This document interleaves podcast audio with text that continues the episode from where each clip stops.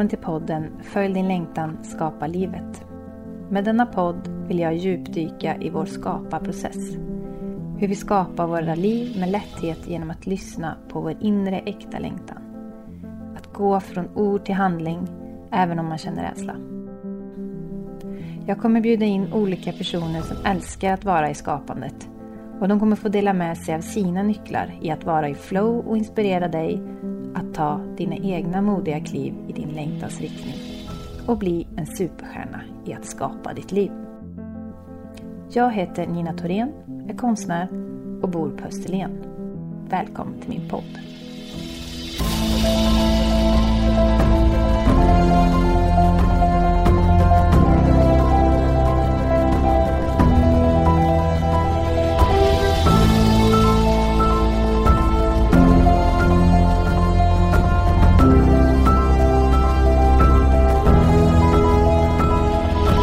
I detta avsnitt träffar du Goran Assad som är en av Sveriges främsta föreläsare och framgångsrika stand-up-komiker som inte bara inspirerar och lockar till skratt utan ger livsförändrande perspektiv. Goran gav ut sin bok En levande abort i år, i januari 2023. Som social entreprenör drivs han av att jobba med barn och unga. Att fler ska få känna tillhörighet och gemenskap oavsett kön, religion eller etnicitet för ett mer inkluderande samhälle. Goran är stolt ambassadör för stiftelsen Friends och drottning Silvias stiftelse Mentor Sverige. Vi pratar om ägandeskapet av sina svårigheter möjliggör förändring till att bli sina framtida styrkor. Vikten av att bli sedd och hörd av vuxna i sin omgivning i ung ålder. Att skapa sig ett visuellt rum i sitt inre för själen att landa i och känna sig trygg. Det och mycket annat får du nu ta del av. Välkommen Goran Assad till Följ din längtan, skapa livet. Tack så jättemycket Nina. En ära att få vara här tillsammans med dig. Mm, ja, men tack. Du Goran, vad älskar du? Jag älskar väldigt mycket. Jag älskar livet. Jag är väldigt tacksam. Jag älskar att följa... Det finns ju en inre GPS som vi alla har och jag känner att jag älskar att följa den GPSen inuti mig själv. Som tar mig till olika platser. Just den här nyfikenheten jag har med att våga utforska. Det är det jag älskar med livet. Hur väver du in dig i din yrkesroll? Genom att eh, komma in med någon form av eh, insikt som på något sätt kan ge ringar på vattnet eh, för andra genom att utgå från min egna livshistoria för att connecta med andra utifrån eh, svårigheter folk går igenom eller utmaningar som man möter i livet. Men att alltid möta människor utifrån vad, vart jag kommer ifrån och hur jag har, har tagit mig igenom vissa svårigheter och motgångar som jag har gått igenom själv.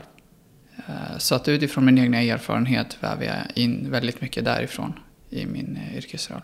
Visst var det i början av det här året som du släppte din bok? Precis. En levande abort. Yes. När, när kom den ut? Eh, den blev utgiven nu i januari i år. Ah. Ja. Och innan hade du, du har skrivit två böcker innan? Nej, jag har eh, skrivit en bok. Jag är debutant. Eh, men jag skrev på två andra böcker som ledde till den här boken. Ja, det var så det var. Ja. Exakt.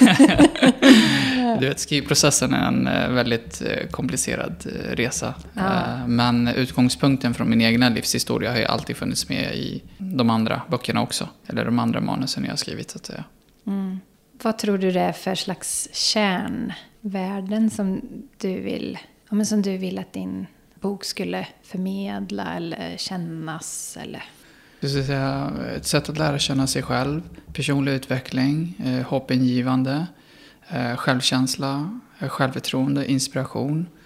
Just sådana kärnvärden som handlar väldigt mycket om jaget och att lära känna sig själv Eh, är väldigt många sådana kärnämnen som jag vävt in i boken. För att vi lever oftast i en värld där vi känner andra människor bättre än vad vi känner oss själva. Så den här boken på något sätt för mig har varit ett sätt för människor att lära känna sig själva. Att hämta hem till sin egen ska man säga, GPS om man säger så.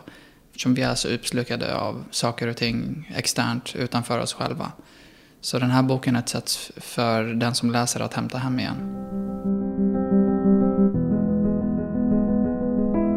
Vad, vad är sant för dig? Sant för mig är att leva ett liv inifrån och ut och inte ett liv utifrån och in. Det är att vara autentisk mot sig själv, att vara ärlig mot sig själv. Du vet, eh, det, det är väldigt många idag som kämpar med sin egen värde idag. På grund av just vad man får se på sociala medier. Man jämför sig med andra. Att, att vara sann mot sig själv och vad som, är sann mot, vad som är sant för mig är att vara sann mot sig själv. Att vara ärlig mot sig själv. Att vara tra transparent. Att, att eh, ställa sig själv frågor. Att undersöka sina egna motiv. Varför man gör vissa saker.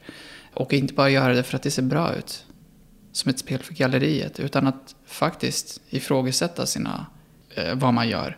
Eller vad man sysslar med eller vad man jobbar med. Jag gör det här för att andra tycker att jag borde göra det. Eller jag gör det här för att mina föräldrar tycker att det blir bäst för mig att göra det här. Eller tycker samhället att det här är bäst för mig. Utan det som är sant för mig är att leva ett liv inifrån och ut. Och att leva utifrån sin egna GPS. Mm. Kan du inte ta oss med lite på din resa? Hela mitt liv började med att jag överlevde en abort. Mitt liv började ju nästan innan det ens höll på att ta slut. Så, och med tanke på min bakgrund så väcktes det hos mig väldigt tidigt en medvetenhet som, som gav mig möjligheten att ställa djupa existentiella frågor om livet och identitet och om varför jag är här. Vilket i sin tur gav mig möjlighet till att lära känna mig själv. Och att ta reda på vad mitt syfte är eh, i livet. Så mitt liv började ju där med att eh, få veta att jag egentligen inte skulle finnas till. När det kom till väldigt mycket identitetssökande. Man ifrågasatte vem man var, varför man är här, varför man kom till, vad ens syfte är med livet. Och det skapade ju liksom väldigt, väldigt stora frågor hos mig. För ett litet barn så var det väldigt mycket. Mm. Men sen blev det liksom att med tiden som gick så försökte man ta reda på vad en syfte var med livet. Vilket i sin tur skapade en uh, nyfikenhet hos mig som uh, gav mig ut på jakt av att försöka finna mig själv. Jag älskar ju det här uttrycket från eh, Mark Twain. Han sa att de två viktigaste dagarna i ditt liv är den dagen du föds och den dagen du tar reda på varför. Och just, eh, jag resonerade väldigt mycket med just sådana uttryck som eh, fick mig att gå ut på en resa helt enkelt. Och försöka liksom förstå vad mitt syfte var med livet. Som barn där då, hade du någon som någon annan vuxen som du kände att du kunde prata med? Inte som sånt? barn. Nej. Nej. För jag var väldigt ensam i mig själv, inte bara externt utan internt också. Så det här var ju liksom dialoger som jag hade med Gud i min egna tystnad. För att det fanns, inte som, det fanns inte någon som kunde förstå just vad jag kände. Jag fick ju veta att jag var en levande abort när jag var sju år. Men det var ju liksom frågor jag inte kunde få svar på direkt. Utan det var ju mer att man försökte förstå vissa saker själv också. Och just det här med identitetskrisen också med... Eh, jag är ju döpt till Göran, som du kanske vet också. Men just de här frågorna när man började liksom första klass när man var sju år. När man hade lärare som kom fram och frågade bara, är det verkligen Göran eller är det Goran? Och ibland kan man som vuxen ställa fel frågor som kan skapa just en identitetskris där man börjar liksom ifrågasätta sin egen svenskhet och sin egna identitet. Men vadå, ser jag inte svensk ut? Jag trodde att jag var svensk eller att det inte var något fel på mitt namn. Så att sånt där, liksom, det blir massa pålagor också som gör att man eh, försöker förstå vissa saker. Och jag gick igenom väldigt mycket mobbning när jag var liten också. Som också ökade trycket eh, med åren med att man eh, kanske inte borde ha funnits till. Mm, att de tankarna kom Att de liksom. tankarna kom, precis. Mm. Uh, så det var ju väldigt mycket för, uh, för mig under de, under de åren när jag, var, när jag var barn. Som kom på en gång. Vad var det som gjorde att de, de negativa tankarna helt plötsligt vände till att bli tacksamma tankar? Mm. Som, som verkligen har landat i dig nu. Mm. Det var ju um, under den perioden i mitt liv, så alltså mellan sju och uh, skulle säga 11, 12 där någonstans, så var det väldigt mycket förvirring, identitetskris, uh, svårigheter, skilsmässa mellan mamma och pappa. Uh, så det ökar ju trycket av att man inte kände att man ville leva kvar längre. Förändringen i mitt liv kom ju när min lärare på högstadiet såg, såg vad jag gick igenom hemma och som såg igenom svårigheterna jag gick igenom och som faktiskt visste om hur mitt liv började. Just det här med att man egentligen inte skulle finnas till och att man var en levande bort. Så hon såg ju allt det här jag gick igenom. Och det var ju faktiskt eh, tack vare henne då jag... Vi hade vår konferencier på Kabergen som var sjuk. Och då tyckte hon att eh, jag skulle ställa mig på scen och uttrycka min historia. Att skriva ner om det jag har gått igenom och att berätta det för, för skolan. Eh, för publiken då, alltså på den här kabarén och vara konferencier. Och jag brottades ju väldigt mycket med mitt förflutna. Så eh, en del av mig sa att jag inte är värdig, att jag inte eh, att ingen vill höra vad jag har att säga och att jag inte är värd det. Men jag hade en annan sida av mig, en stark intuition, en röst som sa att jag borde ta igen alla år av tystnad och gå emot min rädsla. Så när jag väl beslutade mig av att vara konferenser och, eh, och när den dagen kom så var jag så nervös men så fort jag tog tag i den där mikrofonen så, och uttryckte min berättelse och vad jag gick igenom och sa vad jag hette, att jag hette Göran. Det började publiken att skratta. Och eh, det var ju där själva förändringen kom i mitt liv. Just mikrofonen förändrade mitt liv. Mikrofonen blev ju min räddning. Med insikten där när jag började liksom prata om mina svårigheter och att få liksom ett skratt på det också. Och hur det kändes. Det kändes väldigt, väldigt bra för mig. Och sen mm, efter den dagen så var ju drömmen klar. Jag ville bli standup-komiker. Och några år efter det så läste jag faktiskt en artikel om en man som hade en, en obotlig sjukdom.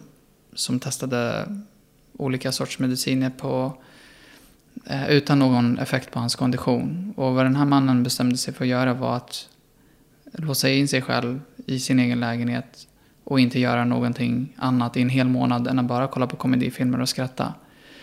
Och efter en månad så åkte han tillbaka till sjukhuset för en undersökning och till läkarnas, sjuksköterskornas eh, förvåning så kunde de inte hitta något spår alls av hans sjukdom överhuvudtaget. Så han blev ju känd som mannen som botade sig själv eh, med hjälp av humorn.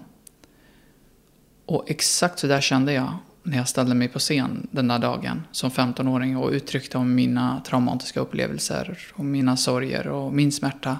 Och när jag fick ett skratt på det.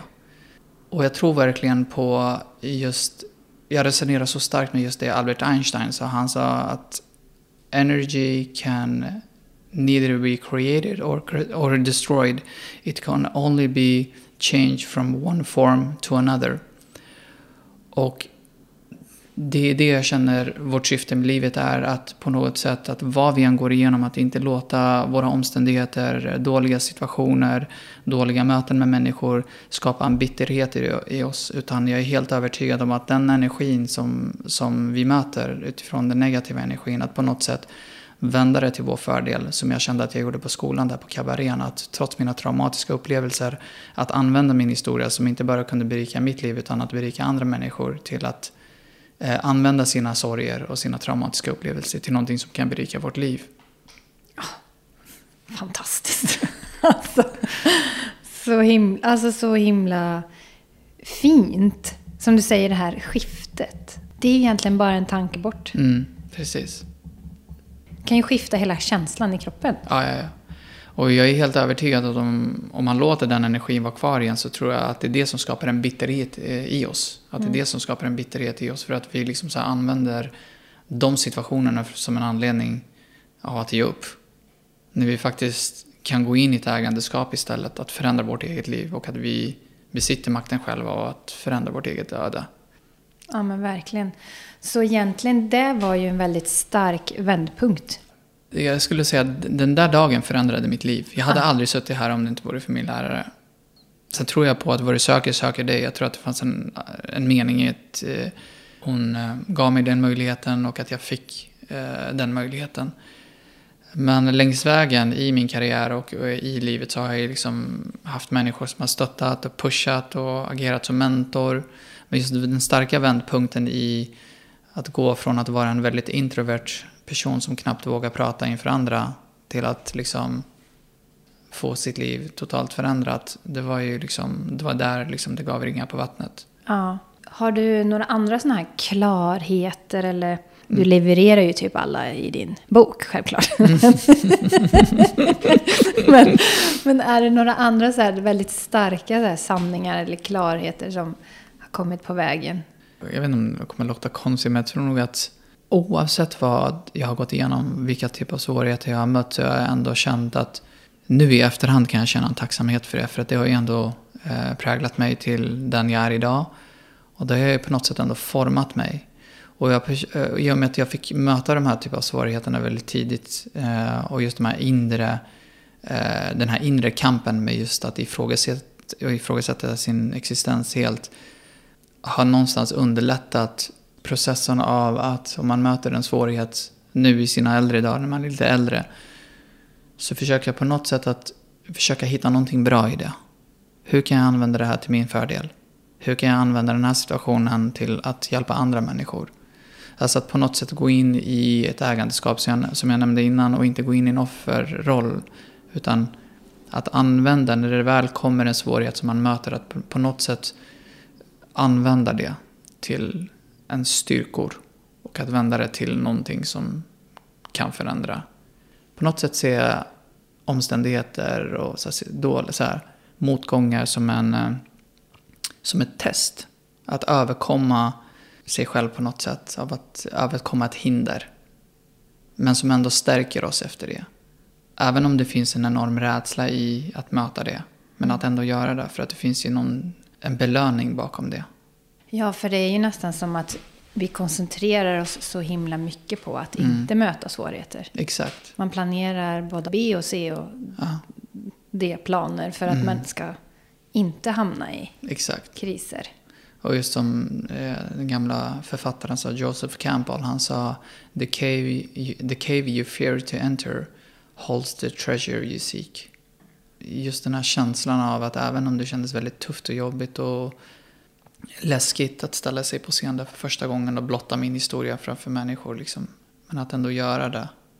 Så gav liksom den insikten och den belöningen i form av att jag fann liksom ett kall i, i livet av att men det här är det jag vill göra. Alltså jag bara kände, åh, vilket mod när du var så liten. Mm. Din lärare måste ju liksom gjort att du kände att ja, men det här är en bra idé. Ja, alltså. absolut. Hon var så övertygad. Och jag kan säga så här att jag frågade faktiskt henne, hon var ju på mig så mycket om att ta den möjligheten. Mm. För att hon såg ju de här svårigheterna jag gick igenom. Och jag frågade henne, jag bara, får jag fråga dig en fråga? Varför vill du att jag ska göra det här? Och då sa hon, för att jag var du en gång i tiden också. När jag var i din ålder. Jag vågade inte uttrycka mig framför folk. Jag hade väldigt mycket svårigheter jag gick igenom i mitt liv. Och jag var väldigt introvert också. Och min lärare gav mig möjligheten till att få uttrycka dikter jag skrev framför alla i klassen. Och just det här med vikten av en vuxen förebild, hur viktigt det är och eh, hur en vuxens närvaro kan göra väldigt, väldigt stor skillnad för ett barn. Mm. Exakt det jag belyser i just boken som jag skrev också. Mm. Men just att hon också gick igenom samma sak och att hon såg det i mig. Det är så viktigt att vi på något sätt måste vara närvarande för barn och unga på ett sätt, inte så, så mycket kopplat till prestation utan att faktiskt vara närvarande och fråga hur de mår och prata med dem. Att bygga förtroendefulla relationer är så otroligt viktigt. Mm. För att det var det jag kände att min lärare gjorde med mig. Hon gick utanför, hon gick utanför sin roll som lärare. Och det är det vi behöver göra som vuxna, att vi behöver gå utanför vår roll vad vi än gör. Men att försöka se barn på detta sätt. Visst, du jobbar mot mobbing, eller hur? Jag är ambassadör för stiftelsen Friends som är en eh, barnrättsorganisation som vill skapa en värld för barn utan mobbning. Och de har ju ett väldigt, väldigt starkt värdeord som jag älskar och det är ju vikten av ett hej. Om hur det kan förändra ett barns liv. Att bara liksom, som jag nämnde innan, bara gå utanför sin roll, att se barn. Berätta lite om det.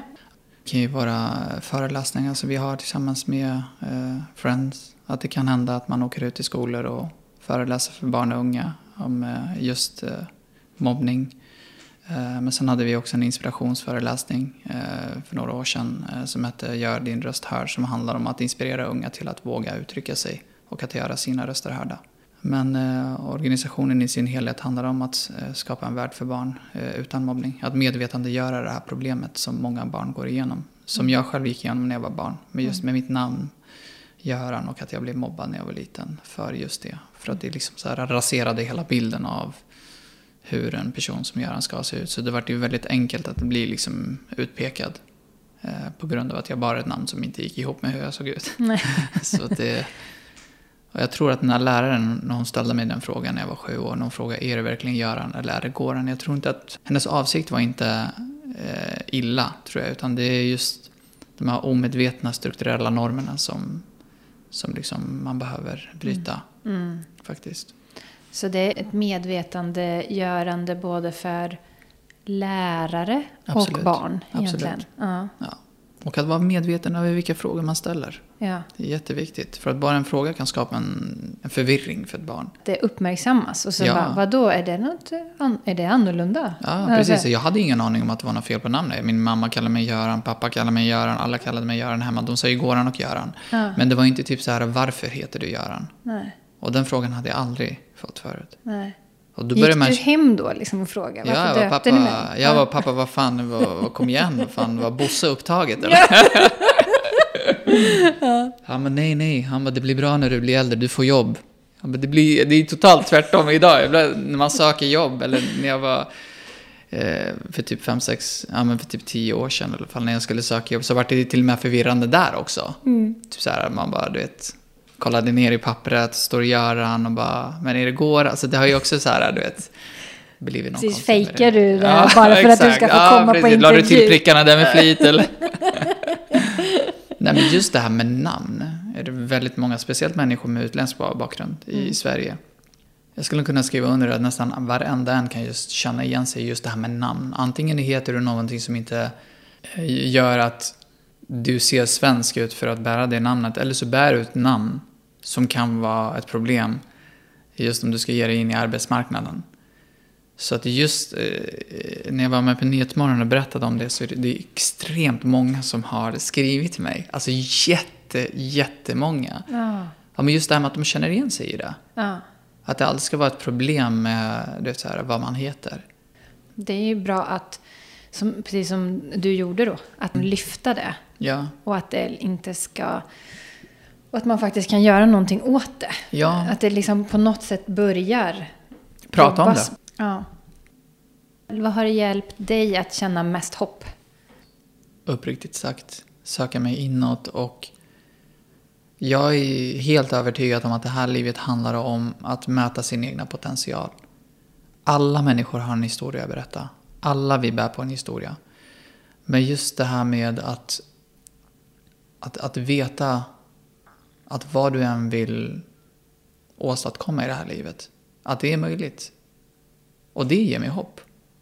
Och det stärker på något sätt någonting i oss själva som får oss att känna att vi inte bara är värdiga utan att vi liksom känner att vi har en plats här också. Att man behöver inte se ut på ett visst sätt för att få någon möjlighet eller man behöver inte tala på ett visst sätt för att få en position utan att leva med just det här hoppet om att vad du än vill åstadkomma så är det möjligt. Men så länge du liksom söker dig inåt och försöka, försöka finna eh, en stolthet i dig själv om att du duger som du är. Du, ska vi djupdyka lite i din skaparprocess kring Mm. Ja. din bok? Ja. Alltså, från, ja, vad sa du, fem år? Eh, ja, jag började skriva på, på boken, vad var det? 2016 typ. Mm. Jag började skriva, skissa lite grann 2015. Men 2016 började jag skriva boken. Så det var ju det vita bladet då. Exakt. till du höll i boken. Exakt. ta, oss, ta oss med på den här processen. Jag skrev ju först två andra berättelser, men med utgångspunkt från min egna historia, just den levande, den levande aborten har ju funnits med i de andra två manuserna också. Men just skriva-processen för mig har alltid varit så att, man liksom vill vinkla om och skriva om och göra det på ett annat sätt och ta ut och klippa ut och klistra in. Så det har ju varit liksom en, en process på det sättet att på något sätt förbättra manuset hela tiden. Så 95% av boken som jag har skrivit nu är ju, det är inte fiktivt utan det är ju, det är ju verkligt. Men, men just eh, att på något sätt just historierna kanske eh, inte är lika som de, i de andra två manusen som jag hade skrivit. Så de två, de två andra manusen jag hade skrivit har ju lett mig till att skriva den här. Alltså det blev ju eh, den här boken. Men som sagt, utgångspunkten från eh, den levande aborten har ju... Det var ju grunden har ju alltid funnits där. Mm. Men det är alltid så, man vill ju liksom göra om och man vill göra det rätt. Man, vill, eh, man kommer på nya, nya saker man vill ha med. Så det blir ju liksom att man hela tiden är i, i den processen av att försöka göra manuset så till det bästa man kan. Liksom, tills man blir nöjd, så att säga. Du bara, okej, nu flödesskriver jag här bara. Mm. Och sen så låter du det vara ett tag? Eller har du något sätt att du gillar att jobba? Och... Alltså jag hade ett väldigt osunt sätt att jobba kan jag säga. Alltså jag tar inga pauser. Jag tar inga pauser. Alltså jag typ så här, m- maxar ganska ordentligt. Och det känner jag inte heller kan vara så bra. Utan att bli bättre på att ta paus. Alltså jag kan ju sitta i en hel dag och skriva.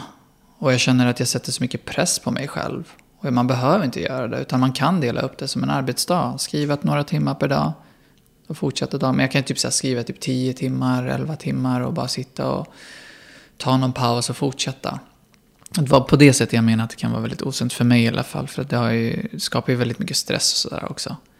Men just känslan med att vilja bli klar. Liksom, om man har ett mål, bara, om jag ska skriva de här sidorna. Så kan jag sätta väldigt mycket press på mig själv. Eh, Jag kan uppleva det när Mm. jag liksom målar. Att, oh, eh, att, man, att man nästan blir lite manisk. Eh. Mm. I vissa perioder. Det går inte att sluta liksom. För att det finns så mycket som ska ut där. Exakt. Ja. Mm. Kan vara lite svårt att balansera sig. Faktiskt. Så du får vara snäll mot dig själv. Ja. För, för eh, ja, det är lätt att när man är i det här kreativa så då är det som att man tappar bort det där. Man vet vad man behöver men Ja. Man, det är så sjukt kul. Precis. Ja, Man bara gör det. Man vet att man behöver pausa men man fortsätter. Och det, och det går sjukt fort alltså. När man skriver så kan det, det så, va, jag är uppe i tre timmar redan. Mm. Alltså det tiden går väldigt fort när man sitter och skriver. Men det är väldigt helande också. Mm. Så du har inte testat den här pomodoro-metoden? Nej, nej, nej. nej. det, har, det har jag absolut inte gjort. Nej. Nej. Mm. Och, men du föreläser också ju. Ja, föreläsningarna ju, ju, körde jag innan jag släppte boken. Mm. Så jag är ju föreläsen väl 2000, 2014, 2015. Mm. Sen eh, jag började i stand-up comedy 2005 och körde stand-up väldigt aktivt fram till 2014. Mm. Sen övergick jag därifrån till föreläsningsyrket och började prata om olika samhällsfrågor. Där jag ändå vävde in just humorn i föreläsandet. Det kan man ju också göra. Men jag kör ju fortfarande stand-up också. Så, men det är en annan konst. Men humorn finns ju också i föreläsningarna också. Men eh, alltså, föreläsningsyrket kom in på 2015. Mm. Och just när det kommer till personlig utveckling och olika samhällsfrågor som integration och mångfald och eh, ja, personlig utveckling, elevhälsan för barn och unga. Mm. Det är egentligen humorn som är den där ingrediensen. Som, Ja. du, som, som du lägger... Det är den som är den viktiga. Att det ska kännas i din Mm. föreläsning också. Alltså ett budskap och humor. Liksom. Ja, precis. För att jag tror Ja. inte man kan prata om så allvarliga ämnen utan att ha humorn Nej. med. För Nej. att det gäller liksom att få de som lyssnar eh, att kunna pusta ut emellanåt, att kunna skratta. Eh, Mm. och känna annars- hopp. Ja, och känna hopp, precis. Ja. Exakt. För annars kan det bli för hårt att prata eftersom jag berör liksom, eh, och pratar om väldigt eh, svåra eh, ämnen som är väldigt berörande så tror jag att man på något sätt, att humorn kan vara ett bra sätt att kunna väva in så att man kan pusta ut emellanåt. För jag tror nog inte man kan prata om så svåra ämnen utan att ha eh, humorn eh, med. Mm. Det blir lättare att absorbera in just eh, det man vill säga mm, om man har med humorn. Att kunna prata om det allvarliga men ändå ha med det, det lätta. Mm. Är du väldigt så planerad eller går du mycket på din intuition? Mycket på min intuition. Mm. Mm, planerar också men mycket på min intuition. Ja. Jag har alltid varit, apropå just det här med vad som är sant för dig Goran. Jag alltid känt så här att om jag inte känner för att göra någonting, då gör jag inte det. Känner jag för att göra någonting, då gör jag det. Jag älskar det Neil Donald Walsh sa, den gamla författaren. Eller han är fortfarande författare idag, men han sa han var Feelings uh, is the language of the soul. If you want to know what's true for you, listen to how you feel. Alltid varit så. Känner jag för att göra någonting så gör jag inte det. Eller så, så gör jag det. Om jag inte förtjänar att göra någonting så gör jag inte det. Nej. Hur jobbar du med unga generellt? Det, det kan ju vara eh, väldigt blandat. Mm. Jag har ju olika workshops jag har med unga till exempel. Som handlar om att hjälpa dem att stärka deras scenärvaro. Sen har jag ju vissa träningsläger jag brukar köra där. Jag brukar eh, just det här med att medvetandegöra hur viktig träningen är för barn och unga att hålla igång. Men främst är jag ute och föreläser där jag eh, gestaltar utifrån mitt 15-åriga jag. Där jag navigerar ungdomarna till att rikta uppmärksamheten inåt till att ställa frågan Vem är jag? Och anledningen till varför jag gestaltar utifrån mitt 15-åriga jag är för att unga lättare ska kunna relatera till hur processen till ett bättre välmående kan se ut. Det övergripande målet är att stärka deras framtidstro och deras självkänsla. Om att vad du än går igenom så kan du använda dina omständigheter till någonting som kan förändra ditt liv. Av att gå in i ett ägandeskap men att börja inifrån. Och börja liksom fokusera på vad du känner om dig själv. Mycket av det jag berättar om och pratar om med unga har ju väldigt mycket, jag älskar ju Charlie Chaplin till exempel, han är ju en av mina största förebilder. Och Charlie Chaplin, jag brukar använda den här analogin, det är att han blev väldigt känd för, för just hans fötter. Han brukade gå så här väldigt snett med sina, med sina fötter. Eh, och vad många inte vet om Charlie Chaplin är att anledningen till varför han gick på det sättet var för att han försökte undvika blåsorna under hans fötter som gav han en enorm smärta. Så Charlie Chaplin alkemerade sin smärta till en underbar konst. Och lite i det är vad jag försöker att prata med ungdomar eh, också. Att försöka bryta den här lögnen som vi har identifierat oss med, med att motgångar och svårigheter, att det skulle vara där vi ger upp. När det faktiskt är tvärtom, att det är under de mest utmanande situationerna och stunderna som vi faktiskt kommer närmare själva jaget. Eh, lär känna oss själva mer på djupet som ger oss en möjlighet till att gå in i ett ägandeskap och att förändra vårt eget liv.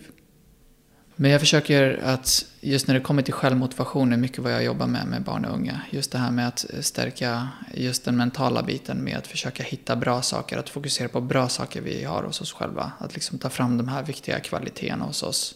Och att eh, stärka den tilliten till själva jaget. Med just självmotivation. Mm. Och det gör jag, det har jag alltid gjort. Så långt jag, så långt jag kan minnas i alla fall. Och, och just den tilliten är väldigt viktig att man har till sig själv. För att om man har en tillit till världen och om världen sviker en så vet vi hur det slutar. Mm. Inte så bra. Mm. Påverkar ens egenvärde, ens självkänsla, mm. ens välmående. Så att det här, det här med att jobba inifrån och utåt, stärka sin egen värde och sin inre tillit är någonting som jag predikar och pratar väldigt, väldigt mycket om. Mm. Vilka urkrafter har du kommit fram till hos dig själv? Vilka är du mest så här, tacksam för? Optimistisk. Mm. Väldigt positiv. Och även om det finns stunder där jag inte känner mig så optimistisk och positiv så försöker jag ta ett medvetet beslut eller val av att skifta det till eh, ändå medvetandegöra mina känslor om vad jag känner under en, den situationen. Men att vända det till någonting som ger mig någonting i form av bra energi. Och, så jag är ju lätt att skifta någonting dåligt, en dålig tanke till någonting bra istället. Men just att vara optimistisk och positiv är någonting som jag känner har hjälpt mig väldigt mycket i, i livet. Vad inspireras du av? Jag inspireras av att läsa böcker. Mm. Jag inspireras av eh, människor som älskar livet, Nina. Alltså det mm. finns ingenting vackrare än så. Människor som lever i nuet inspireras jag av. Jag inspireras av eh, människor som har ett enormt hunger av att växa som människor. Jag inspireras av berättelser. Jag inspireras av personliga möten med nya människor. Men det jag mest inspireras utav, vet du vad det är? Det är att upptäcka nya saker hos mig själv. Faktiskt. Ja, det är ju häftigt alltså. Mm. Att inte den där nyfikenheten slutar. Nej. Att man hela tiden utvecklas. Mm, precis. För jag känner verkligen att livet verkligen handlar om att mäta sin egna potential och se hur långt man kan gå som människa. Men har du någon sån där riktigt go-to förundran... Oh. Förundrans grej. Eller du vet så här, oh, gör jag bara det här, ser jag bara det här, då är jag, så, då är jag helt uppfylld. Ja. Eh, någonting som gör mig uppfylld, mm. exempelvis, det, det är musik. Alltså musik för mig är så magiskt. Framförallt filmmusik. Ah. Alltså filmmusik, eh, alltså det sätter ett sånt krut i mig. Alltså jag blir helt, helt exalterad när jag lyssnar på filmmusik. Det är så magiskt. För mig är det hoppingivande när man hör musik, filmmusik. För att det är kopplat till filmer du har inspirerats utav. Helt otroligt. Mm. Det får igång mig, mm. musik. Har du någon spellista som du har när du skriver? eh, nej, det är väldigt, väldigt blandat. Men väldigt mycket, det är mest filmmusik. Ja, filmmusik. Mm. Men lyssnar du på den när du skriver? Eller då har du ja, det, det gjorde tyst? jag. Nej, men det gjorde jag. Nej, ibland är det, det är väldigt blandat. Men ja. i början så skrev jag, när jag skrev så var det väldigt mycket filmmusik. Mm. Men då är det typ så här, men Sagan om ringen och Um, ja, samma här. Ja, men, jag vet inte hur. Ja, men sådana filmer. Ja. Så här, det, Man of Steel. Alltså jag älskar kompositörer som Hans Zimmer och ja. um, James Horner till exempel. Och, så det, det, det, känns så, när man lyssnar på sådana kompositörer, det känns så sagolikt och det känns så övernaturligt. Och när man hör något sånt som liksom så här, uh, får cellerna att hoppa, då blir det mm. helt, alltså, man är så jag får ju så mycket energi av att lyssna på mm. sån musik. Avatar. Ja, Avatar, jag glömde säga det också. Avatar. Ja, det var också på min lista faktiskt. Absolut, Avatar. Ah. Lejonkungen. Ja, uh, ah, gud ja. Uh. Det är så stort.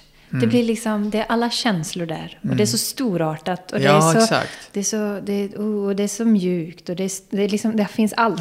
Ja, exakt. Ja. Men just det här som vi pratade om innan, just det här med känslor. Mm. Jag älskar att lyssna på musik som får igång mina känslor. För jag tror, jag tror att det finns så mycket kreativitet bakom våra känslor. Jag tror att när vi är så connectade till våra känslor så är det, det är där inspirationen kommer. Så mm. är det för mig i alla fall. Ja, för jag har ibland undrat varför gillar inte en del folk drama? Ja. Och jag älskar drama.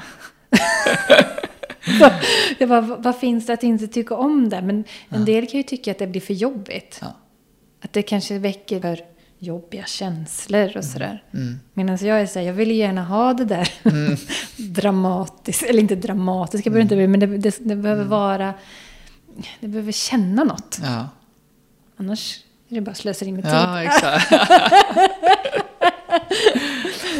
Instämmer. Ja.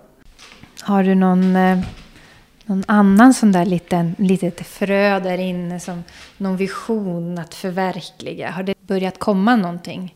Det finns väldigt, väldigt mycket grejer som jag vill göra. Jag, mm. jag, ser livet som ett dansgolv. Du vet, man är på dansgolvet och dansar. Vissa människor är så bra att vara på dansgolv och så här, gå runt och dansa, du vet, vara liksom överallt, all over the place.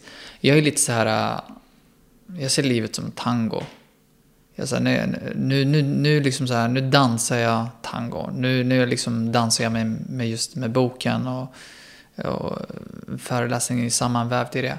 Just nu gör jag det. Och nu vill jag njuta lite av det.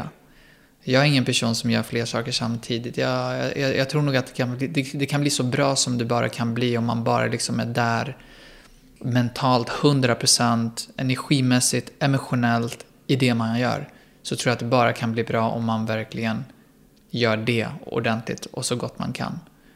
Och sen när den dansen är klar, då byter du liksom. Mm. Då byter du, ja precis. Se vilken rytm du känner för då. exakt, exakt. Men det finns folk som är otroligt duktiga på, på att göra fler saker samtidigt. Ja. Men jag ser det lite så här, då, då fördelar du dina, eh, dina frekvenser. Och jag känner så här att om du tunnar in liksom så här 100% och gör en grej eh, ordentligt så tror jag att det kan bli väldigt, väldigt, väldigt bra. Mm. Så för jag har aldrig varit en sån som gillar att göra någonting halvdant. Jag gillar att göra någonting ordentligt när jag väl gör det. Det är all in. Det är all in, precis. Ja, exakt. Annars är det ingen idé. Exakt. Vi har många likheter. precis. ja, och det kan... Men det finns jättemånga drömmar. Och Mm.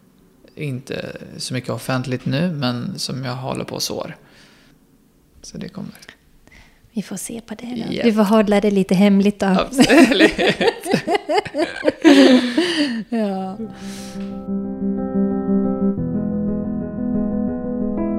Och vilka har liksom varit som mest stöd i din process till idag? Mm, min, eh, min mamma har ju alltid varit ett väldigt starkt stöd för mig. Hon har ju alltid funnits eh, vid min sida i allt jag än har gjort. Så hon stöttat mig och pushat mig. Och, så hon är min bästa vän, min mamma. Eh, I min skrivarprocess under de senaste två åren innan hon avled så var Anna Wahlgren en väldigt, väldigt god vän till mig.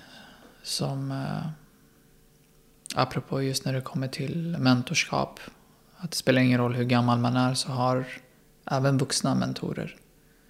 Och vi eh, hade en jättefin relation innan hon avled. Vi blev jättegoda vänner. Och hon, hon var faktiskt den i mitt vuxna liv som såg någonting i mig som min lärare gjorde när jag var liten. Och jag hade inte fått uppleva det överhuvudtaget fram till jag träffade Anna Wahlgren. Hon såg in någonting i mig som jag inte kunde se själv. I mitt författarskap. Som pushade för mig, som stöttade mig och som fanns med eh, de sista två åren när jag höll på att skriva min bok. Jag var inne i ett kaos när det kommer till, eh, ja, men när det kommer till bokförlag innan. När jag skulle pitcha in min bok till andra bokförlag. Så var jag inne i en liten svacka i form av att man började ifrågasätta sin, ja, med hela resan med författarskapet och så. Så hon har ju varit en väldigt stor bidragande faktor i min skrivarprocess och av att tro på mig själv och min berättelse. Och så hon blev en jättefin vän till mig. Så, men mamma, vänner eh, har jag ju haft till och från. Jag är, yrket jag jobbar med, just föreläsningsyrket och standup-yrket, det är ett väldigt ensamt yrke. Så man har ju väldigt många bekanta men jag är ganska mycket för mig själv när det kommer till just skapandet och det finns så mycket jag vill göra. Och många av mina vänner jobbar inte i den branschen och det blir nästan som att man inte synkar heller i saker man vill eh, dela med varandra eftersom eh, Man är inne i sån ol, ol, olika... två olika världar. Mm. Och, eh, så till och från har jag haft vänner också som har, som har varit där. Men jag är väldigt mycket för mig själv i mitt skapande. Förutom när jag är ute och jobbar med människor så att säga, som har mycket med branschen och jobb att göra. Mm. Hur tar du hand om dig själv? Jag tränar väldigt mycket. Försöker hitta mitt inre lugn väldigt ofta genom meditation till exempel. Jag eh, äter nyttigt. Fuskar en gång i veckan med massa socker och godis. Känner att jag behöver det ibland. Eh, Men jag försöker också, försöker också att ta hand om mig själv genom att försöka inte tappa hur jag ser på mig själv. Extremt, jag skulle säga att den, den punkten är nog den absolut viktigaste punkten. För att man, det finns ju mycket faktorer externt som kan påverka just den här inre kompassen. Väldigt mycket om hur man känner om sig själv. Men att inte tappa det. Att inte tappa sig själv. Så jag försöker att eh, vara connectad till mig själv så mycket jag kan. Jag skulle se det som en strömsladd. Dra ut sladden och rikta uppmärksamheten in till dig själv istället. Vad känner du och tycker om dig själv? Ja, det var ju en bra metafor. Mm. Mm, dra ut sladden. Ja, så bara, dra ut sladden nu. nu är det dags. ja, exakt. Du som läs, gillar att läsa böcker, Mm. har, du, har du några härliga boktips? Jag älskar en bok som förändrade mitt liv 2004. Heter eh, Samtal med Gud med Neil Donald Walsh. Och man behöver inte vara religiös eller vara kopplad till någon form av religion för att läsa den boken. Utan det här är en bok som visar att livet är en skapelseprocess och att vi lär oss utifrån eh, hur vi tänker och känner om oss själva som också skapar vår eh, verklighet. Så det, det är en bok som det var ju en bok som i mitt vuxna liv ökade just frekvensen av ens medvetenhet. Så den boken förändrade mitt liv helt och hållet. Så när jag läste den 2004 så kom en dokumentär ut 2006 som heter The Secret, The Law of Attraction. Och när jag såg The Secret 2006 så förstod jag exakt vad den dokumentären gick ut på. För att det var ju mycket av det han pratade om i sin bok när jag läste den två år innan. Så det var ju nästan som att jag på något sätt hade eh, skapat en grund, en förståelse utifrån hur just det här med manifestation och hur allt det här funkar och hur våra tankar eh, kan skapa vår verklighet utifrån eh, vart vi är i oss själva och i vårt eh, sinnestillstånd så att säga. Så den boken är en fantastisk bok. En väldigt, väldigt fin bok att läsa. Jag älskar en annan bok som jag skulle vilja rekommendera som heter The Power of Your Subconscious Mind med eh, Dr. Joseph Murphy som handlar om hur de första sju åren har fått, alltså vill du ta reda på vem du är så måste du ta reda på vem du var och om hur vårt undermedvetna eh, och livet vi lever i idag är ett resultat utifrån vad som har lagts på oss, hur vi har tänkt, miljö vi har växt upp i, vad som har sagts till oss och hur man kan ändra om vissa tankemönster och tankebanor i oss själva med en medvetenhet av att konstant repetera nya olika tankemönster och affirmationer som kan ändra om just de tankebanorna i våra egna tankar. Så vissa mönster i mig själv i vuxen ålder så jag, har jag ju sett att men det här har ju kommit ifrån det här från min barn. Så vissa saker är ju bra och de har jag valt att behålla men sen har jag ju liksom tagit del av när jag väl har varit medveten över ett beteendemönster jag har haft. Ja, men det här är någonting som inte kommer från mig utan det kommer från min pappa. Till exempel. Eller min mamma eller vem som helst. Så jag har medvetet valt att gå in i ett ägandeskap, att ersätta. Man kan aldrig ta bort ett beteende men du kan alltid ersätta det. En, eh, så, så, det är lite det boken handlar om. Hur man kan ändra om sitt, uh, sitt undermedvetna som styr 95% av vårt liv. Den har inte jag läst. Jag har däremot läst um, Samtal med Gud. Ja, den... du har det? Ja, ja, ja. Oh, wow. Gud vad coolt. Ja, absolut. Ja, det är en fantastisk bok. Något filmtips då? Filmtips? Uh, Sju år i Tibet, har du sett den? Med Brad ja, Pitt. Ja, ja, fast det var länge sedan nu. Det känns ja. nästan, oh, men det ja, den är helt fantastisk. Ja. Den skulle jag rekommendera. Så skulle jag rekom vilja rekommendera City of Joy. Mm -hmm. Med den. Patrick Swayze.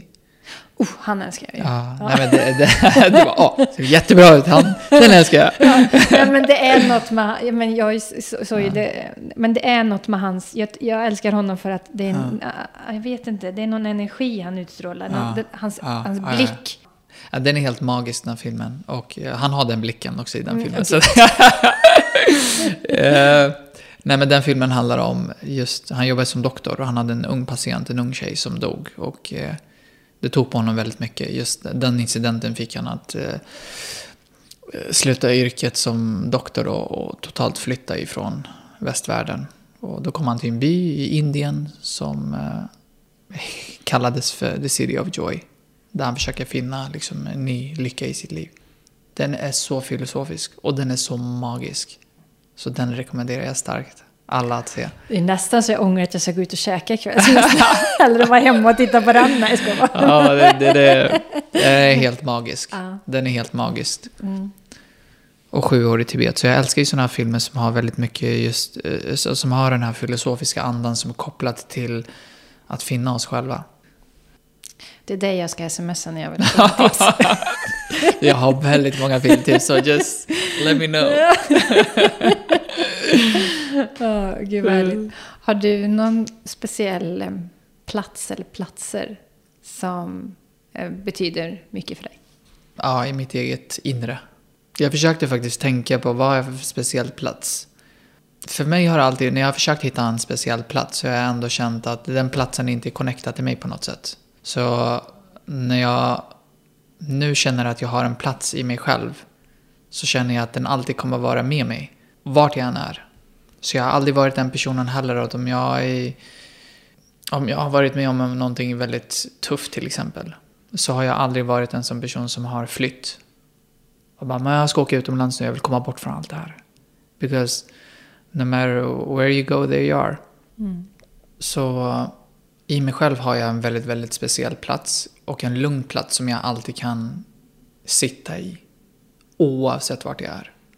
Se, har du nästan så här som en, visualiserar du nu ser jag så här framför mig att du mm. ska, gå in och sätta dig någonstans mm. i jag ser, mys. Ja, jag ser det som ett skal. Ah. Alltså jag ser det som ett äggskal fast att det finns en dörr på det ägget så att säga. Mm. Så det är att jag går in i så ett visualiseringstänk i mig själv och strax under liksom eh, mellangärdet. Så när jag sluter ögonen och eh, medvetet väljer att gå in i mig själv så ser jag mig själv öppna det där lilla ägget. Och sen går jag in dit, sen stänger jag den. Sen sätter jag mig där och bara liksom blundar. Och jag känner faktiskt ett sånt enormt lugn. Och jag känner mig trygg för att jag, just bild, bildligt så känner man sig väldigt, väldigt trygg för att man vet att man är i just det här ägget. Mm. Man känner sig skyddad, man känner sig bekväm, trygg som sagt.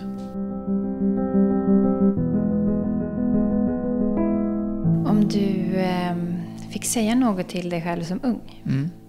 Något som du vet idag. Vad skulle du vilja säga till honom? Lita på processen. Allt kommer bli bra. Livet är en skapelseprocess. Vad du går igenom, det blir en del av din karaktär. Och eventuellt en del av din framgång. Ja, vi har ju, du har ju levererat så fina nycklar här nu. Så att, men, men har du något sådär som du så känner att ja, det här skulle jag vilja säga som några slut, slutord? Eller har du någonting som du skulle vilja dela med dig slutligen? Sådär? Jag vill skrika ut det med en sån entusiasm. Jag ska försöka säga det i det här tonläget. Ja. Om du vill bli författare, börja skriv. Vill du bli skådespelare, ansök och gå någon skådespelarkurs. Jag har inte råd, inga pengar.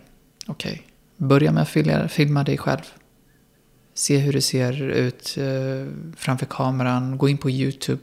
Det finns massa gratiskurser man kan gå på YouTube som man kan se och ta del av. Vill du bli eh, konstnär, börja måla. Så gör exakt alltså, det som du känner att du vill göra, gör det.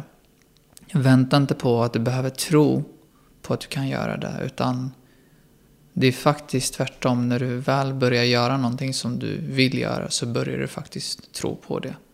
Så använd inte just idén av att du behöver tro på någonting innan du behöver utföra någonting som du har passion för. Utan du har passion för, gör det så kommer tron i samband med det att växa. Eh, börja gå i den riktningen och klä dig i den rollen som du vill bli. Det är väldigt viktigt för mig. Känner jag att förmedla. Mm. Ja, men, tack. Tack.